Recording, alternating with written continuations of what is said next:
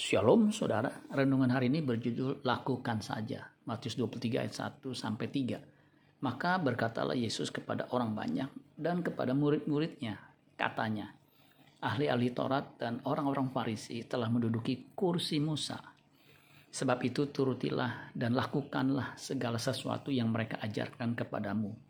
Tetapi janganlah kamu turuti perbuatan-perbuatan mereka, karena mereka mengajarkannya tetapi tidak melakukannya. Makna dari kalimat ahli-ahli Taurat dan orang-orang Farisi telah menduduki kursi Musa. Mereka memang berhak untuk menafsirkan dan mengajarkan Taurat Musa atau atau 10 hukum Taurat beserta penjabarannya. Terjemahan sederhana Indonesia Matius 23 ayat 2 dikatakan para ahli Taurat dan orang-orang Farisi sudah menduduki di posisi Musa sebagai hakim yang sah untuk menjelaskan dan mengajarkan hukum Taurat. Masalahnya ahli Taurat dan orang Farisi pandai melakukan mengajarkan hukum Taurat tetapi tidak melakukannya. Itulah sebabnya dengan keras Yesus menegur mereka. Matius 23 ayat 13 sampai 16. Celakalah kamu hai ahli-ahli Taurat dan orang-orang Farisi. Hai kamu orang-orang munafik karena kamu menutup pintu-pintu kerajaan sorga di depan orang. Sebab kamu sendiri tidak masuk dan kamu merintangi mereka yang berusaha untuk masuk. Celakalah kamu, hai ahli-ahli Taurat dan orang-orang Farisi, hai kamu orang-orang munafik.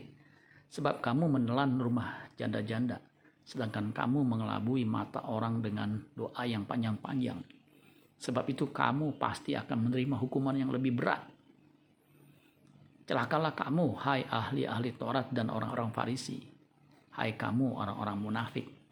Sebab kamu mengarungi lautan dan menjelajah daratan untuk mentobatkan satu orang saja sebagai menjadi pengikut penganut agamamu dan sesudah ia bertobat, kamu menjadikan dia orang neraka yang dua kali lebih jahat daripada kamu sendiri.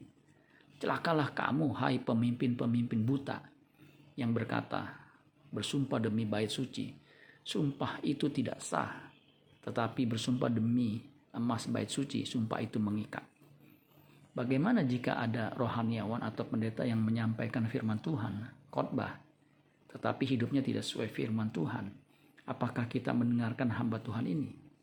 Lakukan saja firman Tuhan yang kita dengar, dan biarlah Tuhan yang akan menghakimi hamba-hambanya. Amin buat firman Tuhan. Tuhan Yesus memberkati. Sholat Gracia.